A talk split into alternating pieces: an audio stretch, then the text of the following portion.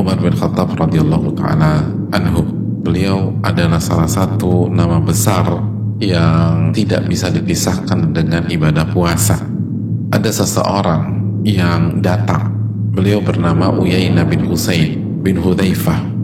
Adalah om dari Al-Hur bin Qais.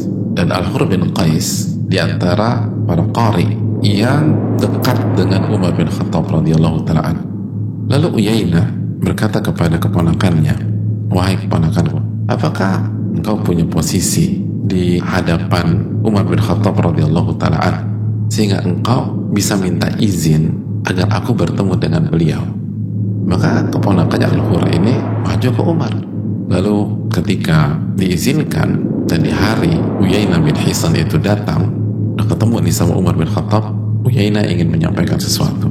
Wahai anaknya Al-Khattab, engkau tidak memberikan bagian yang banyak untuk kami dan kau tidak memutuskan perkara-perkara kami dengan adil dan objektif.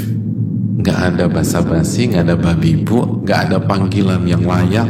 Wahai anaknya Al-Khattab ini nggak punya adab nih orang. Masa begini cara bicaranya? Maka Umar pun marah dan Umar ingin menghukum orang ini. Lalu begitu melihat Umar marah dan ingin menghukum maka Al-Qur bin Qais sang keponakan itu mengatakan fakultu ya amirul mu'minin inna allaha qala li nabiyyihi khudil afwa wa'mur bil urfi wa'arid 'anil jahilin. Wahai amirul mu'minin sesungguhnya Allah subhanahu wa ta'ala berfirman kepada nabinya berikanlah maaf kepada orang-orang dan tetap mengajak kepada kebaikan dan berpalinglah dari orang-orang bodoh. Jangan direspon. Dan demi Allah Umar bin Khattab radhiyallahu taala tidak melanjutkan karena Umar bin Khattab adalah orang yang berhenti di hadapan ayat-ayat Al-Quranul Karim.